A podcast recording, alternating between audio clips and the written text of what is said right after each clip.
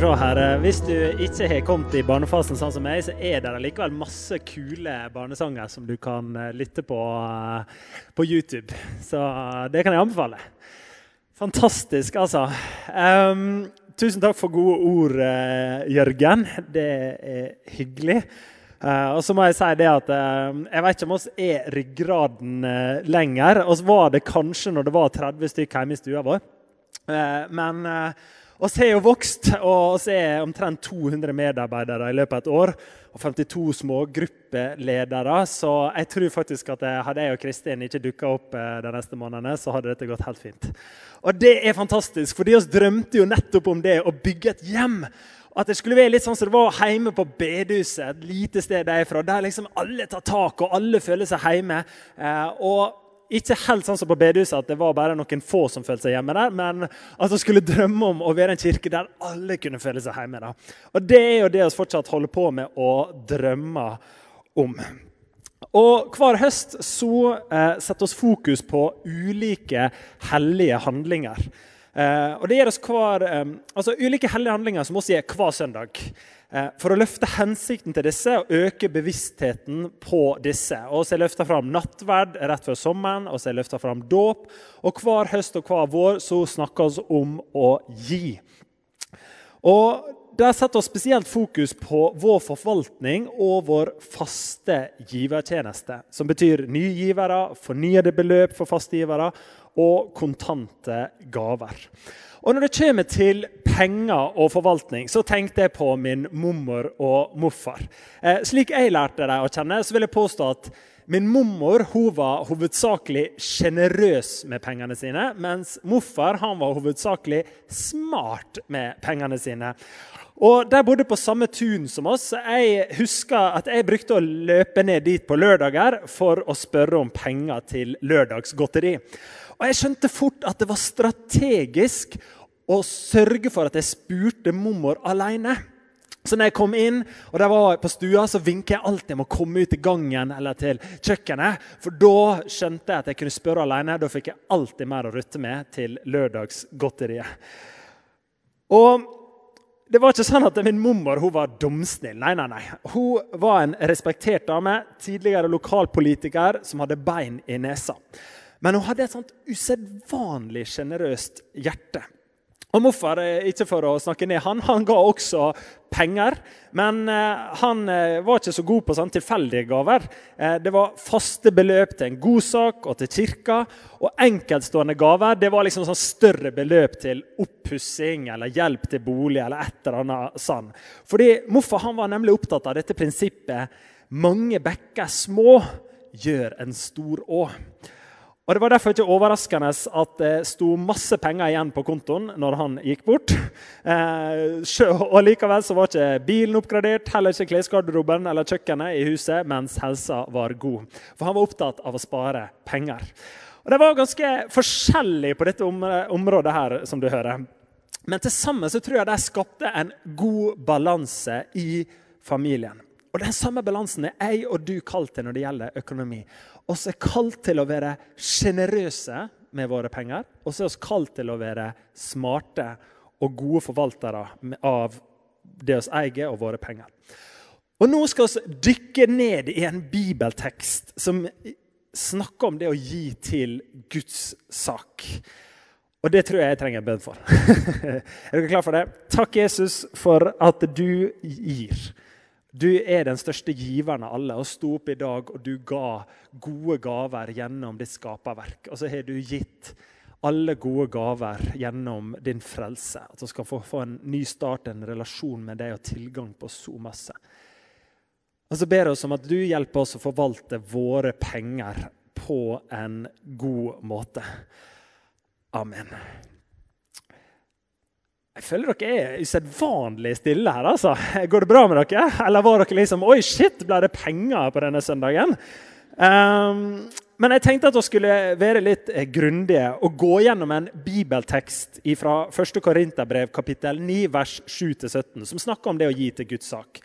Og hvorfor bibeltekst? Jo, jeg følte også litt sånn forlegen på å snakke om penger til kirken. Så jeg tenkte det var greit å la teksten tale for seg sjøl, og så kan du bedømme hva du vil gjøre med den. Og så tenkte jeg at det er en ny kirke med mange unge som har hørt lite om det å gi til kirken. Jeg var personlig sånn jeg kom til Oslo for sju år siden. Jeg ga ikke fast til noe som helst. Jeg.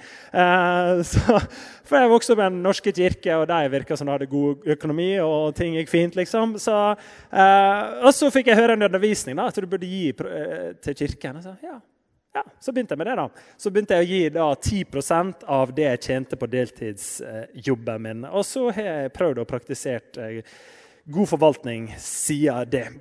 Um, og Kjernen i denne teksten her som vi skal se på, det er at penger kan ha en risiko for å stå i veien for budskapet om Jesus. Og Samtidig så er det et bibelsk prinsipp som er riktig og nødvendig i de aller fleste tilfeller. Og Når jeg står og snakker eh, med dere her, så, så, kjenner jeg at dette her som jeg tenkte å prate om i begynnelsen, det var litt lurt. For eh, jeg tenkte spørsmålet hvorfor blande kristen tro og penger? Ja, Det kan du også kanskje tenke når du sitter her og hører på. Hvorfor blande kristen tro og penger? For det er jo følsomt å snakke om penger. Det er utfordrende å snakke om penger. Og så er det litt irriterende når pastorer snakker om penger. Og Derfor er det litt sånn krevende for meg som pastor å snakke om penger. Er dere med på den? Men konsekvensen da er ofte at vi slutter å snakke om penger. Men problemet med det er hva slags bok skal vi undervise fra Bibelen? da? Fordi det er nemlig slik at det, det er 500 vers i Bibelen som snakker om bønn og tro. Hvor mange tror dere da eh, snakkes om økonomi. Hvor vers? Jeg sier et tipp. 500 om bønn og tro. Hvor masse om penger? Jeg sier et tipp. 2000! Ah, det er noe som har studert her, vet du. Det er helt riktig. Hele to Det er helt riktig! Ca. 2000 vers omhandler forvaltning av penger og eiendeler. Og dette her hadde jeg heller ikke trodd at 25% av Jesu sin undervisning handler om innflytelsen og makten penger har over våre liv. Så hvorfor snakker da Bibelen om penger? Jo, jeg tror det er fordi at penger det er avgjørende for så mange viktige valg i livet. Hvor du bor, hva du jobber med, hvem du gifter deg med, hvem du omgås med, hva du bruker tida på. Derfor må vi snakke om penger. Og Når vi snakker om penger, så tenker jeg også om å snakke ærlig om misbruken av penger i kristen sammenheng, og hvordan det kan ødelegge for Guds sak. For Det er også et viktig poeng i denne bibelteksten. Og Før jeg går videre nå, så kan jeg invitere deg til å slå opp bibelteksten. Så kan du følge med litt framover og gå inn og ut av den. Hvis du har en bibel, så kan du slå opp i det. Eller så kan du slå opp mobilen din. Første Korinterbrev, kapittel 9, vers 7-14. Og det er der jeg skal være med og pakke ut. Så kan du ha den oppe, og så kan du kikke på den litt underveis. Men der snakker Paulus om problemer penger kan ha for kristen virksomhet. Og Helt i starten av denne koronapandemien så ba en amerikansk gjestepredikant folk å gi penger til Visjon Norge for beskyttelse mot koronaviruset. For de som ikke har lest eh, kristne aviser, som jeg prøver å gjøre, så eh, kan jeg anbefale abonnement i Dagen eller Vårt Land. Det, det er nice. Eh, da har jeg laget en sak, og her kommer en oversettelse av det han sa. Jeg utfordrer deg til å dekke barna dine med et offer. Jeg skal be for alle disse bønnebegjærene og hver foreldre som ser på, som en Guds profet utfordrer jeg deg til å ringe nummeret på skjermen. Og Den hellige ånd har veiledet meg med 2020 kroner. Ah! Dette sa predikanten Dion Baez under programmet Studio direkte på TV Visjon Norge. Og Heldigvis har vi andre pastorer i denne byen. og Pastor Erik Andreassen i Oslo misjonskirke Betlehem gikk hardt ut i en lengre Twitter-tråd mot denne episoden i Visjon Norge. Og I et intervju med Vårt Land så sier han jeg er bekymra for alle menneskene som ser på og manipuleres til å gi penger. Dette her er det motsatte av hva evangeliet handler om.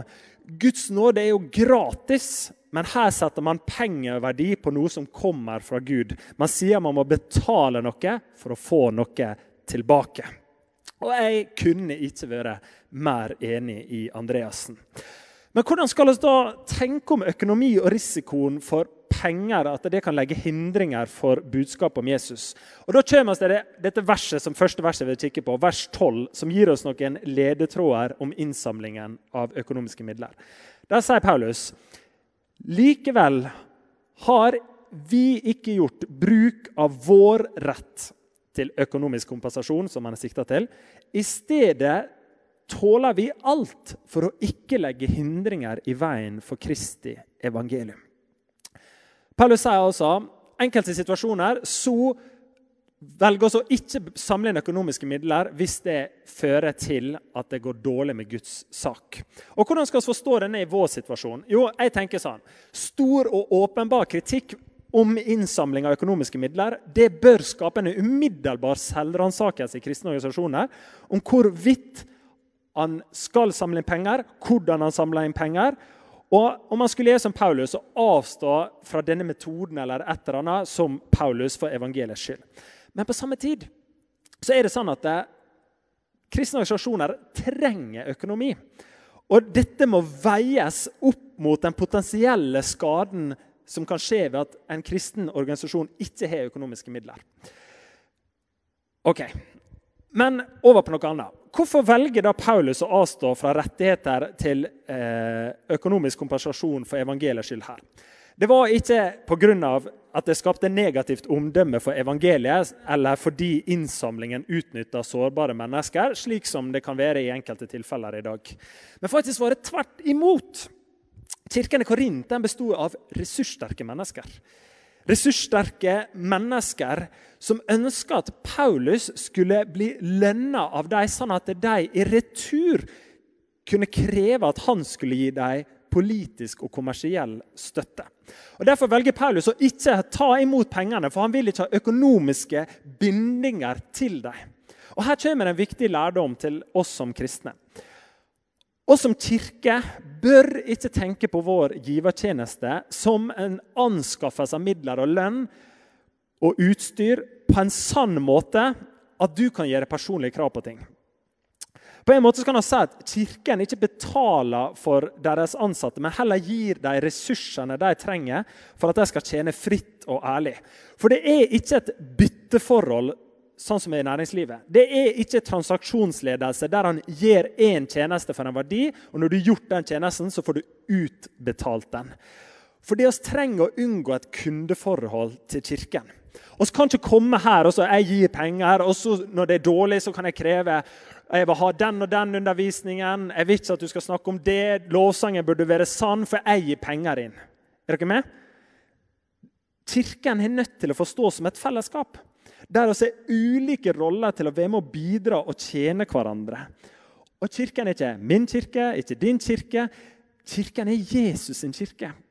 Og oss er kalt til å bidra på ulike måter og så forholde oss til Hans ord. Og Det bringer meg til neste hovedanliggende i teksten, nemlig givertjenesten i kirken. For Hvis du leser denne teksten, så skjønner du fort at den handler primært om Paulus sine rettigheter, og hvorfor han ikke velger å ta imot økonomisk støtte, støtte for hans tjeneste i Korint. Men samtidig så gir denne teksten masse prinsipper for hvordan du skal tenke om økonomi i kirken. For Hele argumentasjonen hans består av følgende resonnement. Han sier dette har jeg krav på. Her er fire grunner, og det skal jeg se på. Så sier han men jeg velger å ikke ta meg bruk av det jeg har krav på, fordi jeg har ikke lyst til å ødelegge for evangeliets sak i Korint.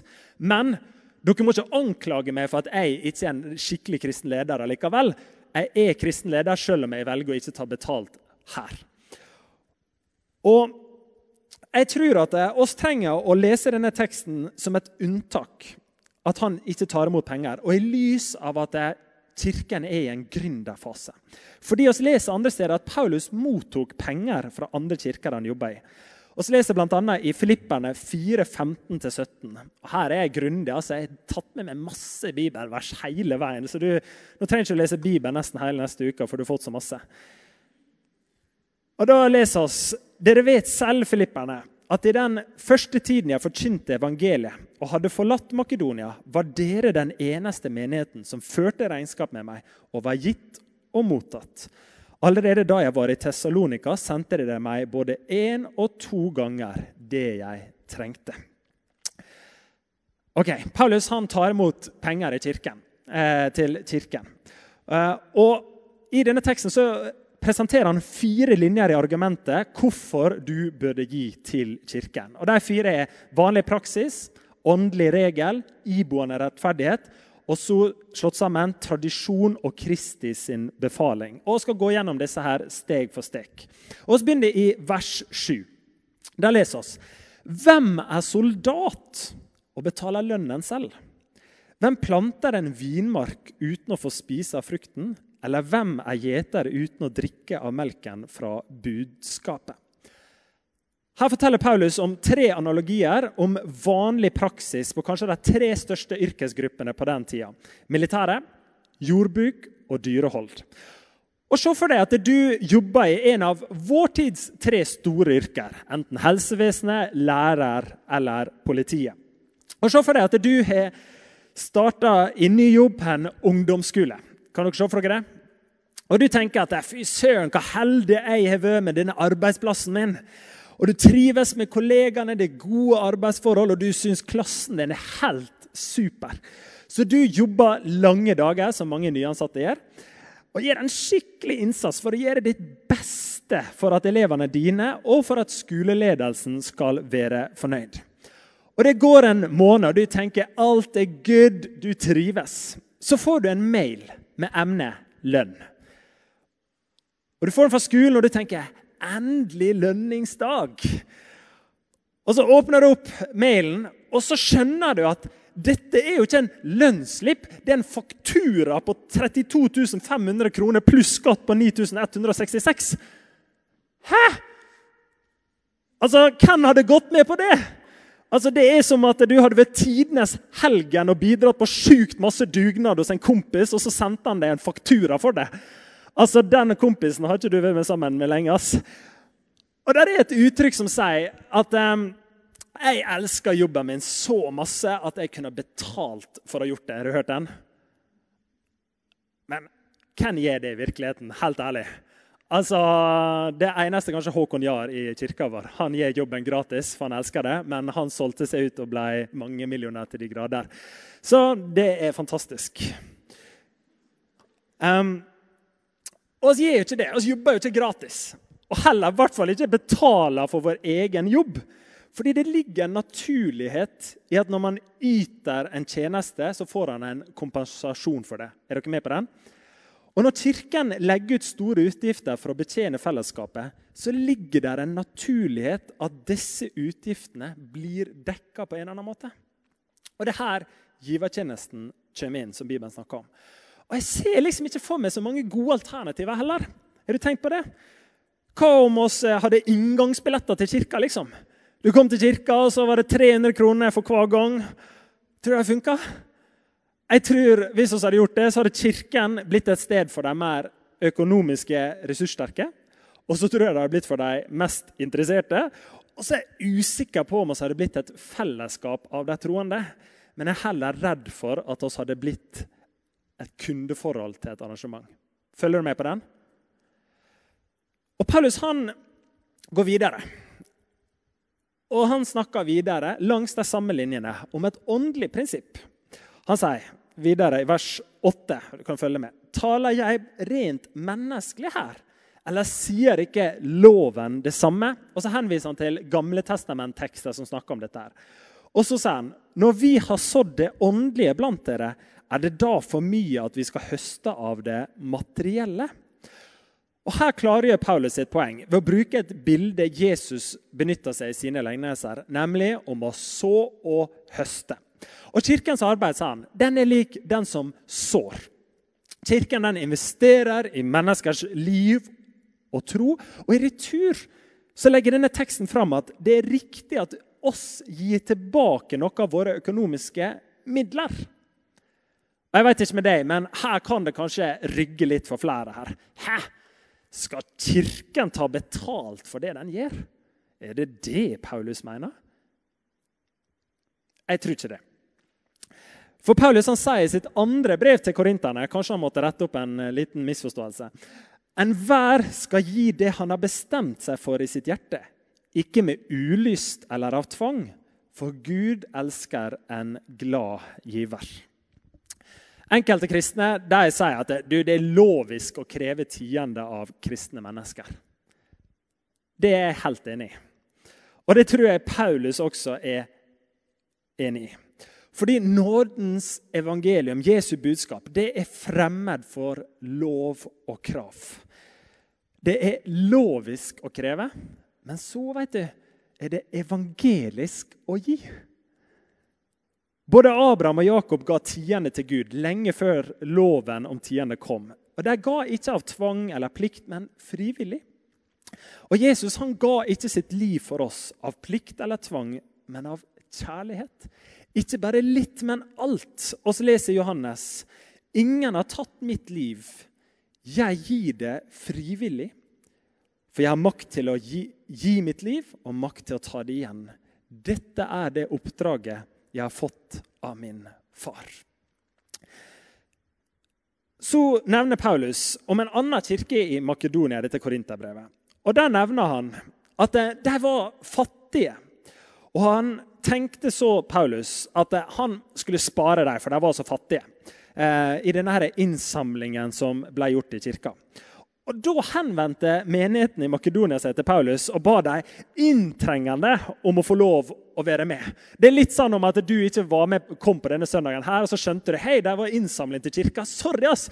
Du, Jeg må jo få lov å være med på dette her! Kan du sende meg all informasjon, slik at jeg kan skjønne hvordan jeg kan være med? Det er en bra holdning, det. Tenk det, altså. Og de forteller han om det. Brødre, dere skal nå få høre om den nåde Gud har vist kirkene i Makedonia. De har vært hardt prøvet, men deres store glede og deres dype fattigdom har gjort dem rike og villige til å gi. For de ga etter evne, ja, over evne, og frivillig. Det kan jeg bevitne. De ba oss inntrengende om å få lov å være med i fellesskapet i tjenesten for de hellige. Du må ikke gi, for det er lovisk. Men du får lov til å gi. Det er evangelisk. Så la meg derfor understreke. Vi gir frivillig, ikke for å betale en tjeneste vi har mottatt, men for å ta et økonomisk ansvar for fellesskapet og være med i fellesskapet han er en del av, slik at Kirken, som han kaller hjem, alltid har de ressursene den trenger for å utføre vårt felles oppdrag. Paulus går videre så snakker han om iboende rettferdighet. Og han sier om nå andre har rett til dette hos dere, skulle ikke vi ha det enda mer? At noe er rettferdig, det kan forstås som at saker eller personer skal behandles likt. Og Det er en slik forståelse Paulus legger til grunn her. Andre kristne ledere har vært i Korint og fått økonomisk kompensasjon for deres tjeneste i Korint. Og Derfor sier Paulus, burde de også ha rett til det. Men hva betyr dette spørsmålet for oss i dag? Og Jeg vil bruke det samme spørsmålet, men jeg vil anvende det på andre former for medlemskap Også. Du har kanskje som meg medlemskap på Spotify, som du benytter deg av til en fast månedspris. Kanskje er du et medlemskap på et treningssenter eller en klubb som du benytter deg av til en fast månedspris. De fleste av oss har en konto på Ruter som vi benytter oss av til en fast månedspris. Så hører spørsmålet om noen andre har rett til dette hos dere, skulle ikke vi ha det enda mer? Eller sagt på en annen måte Om jeg og du betaler 250 kroner i måneden i Spotify og Netflix, burde ikke Kirken fått enda mer? Er ikke det naturlig at kirkene han går i, får økonomiske midler fast? Følger dere med fortsatt? Bibelundervisning vet du, det er spennende. Vi går videre. Siste punktet som Paulus snakker om, er tradisjon og Herrens ord. Vi leser vers 13. Vet dere ikke at de som gjør tjeneste i tempelet, lever av tempelets inntekter? Og at de som tjener ved alteret, får sin del av det som ofres på alteret? På samme måte har Herren bestemt at de som forkynner evangeliet, skal leve av evangeliet. Til slutt her så sammenligner Paulus retten til å få økonomisk støtte til kirken med prestene og levittene sine rettigheter i tempelet. Og For å gi litt sånn bakgrunnsinformasjon om tiende i Gamle testamentet til tempelet. Israel fikk i Det gamle testamentet befaling om å gi tiende for å støtte nasjonens religiøse virksomhet. Nesten 100 ganger i Bibelen snakkes det om noe som kalles tiende til Guds sak. Og De som var religiøse arbeidere på heltid på den tida, prestene og de andre levittene, de hadde ikke sin egen jord å dyrke. Så de ble forsørga ved hjelp av at resten av folket ga 10% av det de eide. Så det gikk til dem og til tempelet. Og Var det sånn at det tiende da var liksom ment som en sånn tung byrde for Israel? Nei, ikke det helt tatt. Faktisk det motsatte. Så lovte Gud israelittene at hvis de kom med 10% så ville han øse ut velsignelse over dem, og at de ikke skulle mangle noe som helst. Blant annet Malaki 3.10 sier dette her. Men når israelittene lot være å gi tiende, så mister de noe av Guds velsignelse og den åndelige hjelpen fra prestene og levittene, som måtte bruke tida på annet arbeid fordi de ikke ble forsørga. Ok, De ga 10% av det de eide i Gamle Testamentet. Men hvordan er det for oss da i dag om dette kravet om å gi 10% av inntekten til Guds hus? Paulus han henviser i denne teksten til givertjenesten i Gamle testamentet. Så sier han rett ut på samme måte har Herren bestemt at de som forkynner evangeliet, skal leve av evangeliet. Jeg tror og tolker det sånn at denne teksten og andre tekster i Nytestamentet bekrefter givertjenesten til Kirken. Men slik jeg forstår det, og her kan han være litt uenig, så opererer ikke Det nye testamentet med en fast prosentsats som et krav. Det er det viktige. Men heller som et godt og rett prinsipp. La oss dykke litt videre ned i dette og se på disse tekstene. Det mest nærliggende utsagnet Paulus har tenkt på når han refererer til Herrens befaling, er Jesus sine ord i Lukas 10. Der sier Jesus en arbeider er verd sin lønn. Og Her bekrefter Jesus praksisen om økonomisk kompensasjon til kirken. Et annet nærliggende sted er Matteus 23, 23, der Jesus bekrefter tienden. Der sier han ved dere skriftlærde og fariseere, dere hyklere. Dere gir tiende av mynt og anis og karve, men forsømmer det som veier mer i loven rettferdighet, barmhjertighet og troskap. Så sier Jesus. Det ene burde gjøres, altså å gi tiende. Og det andre ikke forsømmes, altså godhetshandling, rettferdighetshandlinger. Og I det jødiske samfunnet så var praksisen med å gi 10% av inntekten godt innarbeidet. Og Jesus bekrefter her at dette her er riktig å gjøre. Men samtidig så fordømmer han de religiøse lederne, som var veldig nøye med å gi 10% men så overså de barmhjertighet, rettferdighet og troskap, som betydde enda mer, og betyr enda mer i Guds øyne. Problemet var at de stakk seg kjempelangt for å oppfylle alle detaljer i tiendebudet. De, jeg var så nøye. Men samtidig så hadde de døve ører og harde hjerter når det kom til nestekjærligheten som burde få førsteprioritet. Og vi kan altså da konkludere. Givertjenesten er et bibelsk prinsipp for oss kristne. Jesus han jeg det, har ikke avskaffa praksisen med å gi 10 Samtidig så tror jeg at Gud ikke har pålagt oss noe sånn millimeterrettferdighet. Fordi vi trenger å legge merke til det Jesus sier i ordlyden 'burde gjøre'. Der hører jeg i alle fall ikke et krav, men jeg hører at Jesus legger det fram som en tydelig anbefaling og et godt og rett prinsipp. Videre så sier Jesus det viktigste folkens, det er å praktisere nestekjærligheten. At oss ikke kan skjule vår likegyldighet med å si liksom, oss gir jo fast til kirken. oss gir jo fast, så jeg trenger ikke å bry meg. Det er den andre kritikken til Jesus. Og Det leder oss til spørsmålet. Vi kan konkludere givertjenesten tror jeg, er et bibelsk prinsipp som oss trenger å overveie hvordan vi skal respondere til. Men hvordan skal vi da gi? Jeg vil til slutt dele tre bibelske prinsipper som vi alltid deler på dette temaet, for hvordan vi gir av det vi sier. Og Du som ikke er kristen her, nå kan du eh, surfe litt på telefonen, du som har en annen kirke som ditt åndelige hjem, du kan bruke disse prinsippene der. Og for deg som har Filadelfia-kirken som ditt hjem, så tror vi at dette er gode prinsipper å leve etter.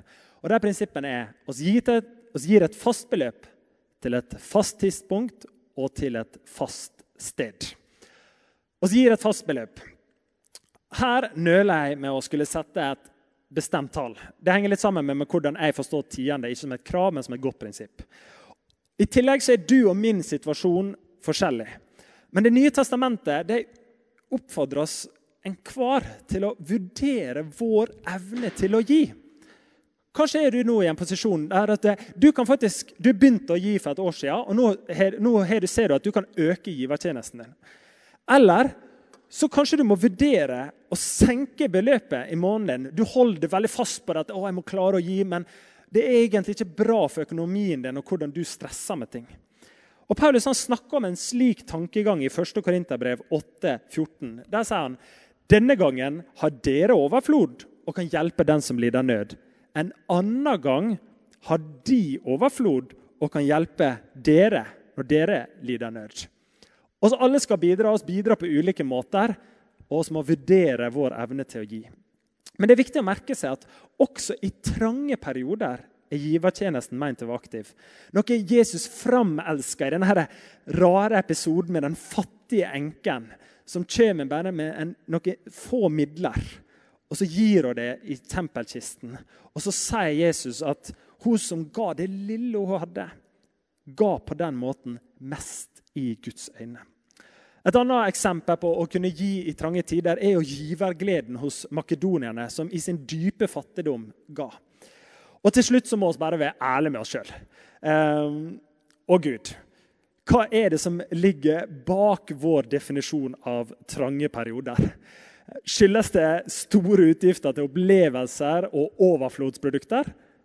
Eller er det rett og slett at det er trangt nå om dagen? Så ikke hør dette her som en knyttneve. Eh, eller en murstein. Eh, kanskje trenger du bare høre at det, du trenger å begynne kanskje med å gi 2-3 Begynne å trappe det opp derifra. Eller at du må trappe det nedover. Alt etter hvordan du får livet ditt til å henge sammen. Men Gud er en ordensgud, og det er noe fint med at vi er orden i dette. Så vi gir et fast beløp, og vi gir av takknemlighet. Det andre er at vi gir et fast tidspunkt. Og Gamle kong Salomo han sa det sånn Gi Herren ære med det du eier, med førstegrøden av hele din avling. Da skal din matbord fylles, presskummene renner over av ny vin. Og Dette høres kanskje litt sånn rart ut i første omgang. Hvorfor må du gi det første? Og Jeg tror ikke at det er noe vanskeligere enn eh, en som så, enn at det, det er lurt å gi et, på et fast tidspunkt, sånn at tilfeldighetene ikke får lov å styre over et så viktig valg som hvordan vi forvalter vår økonomi.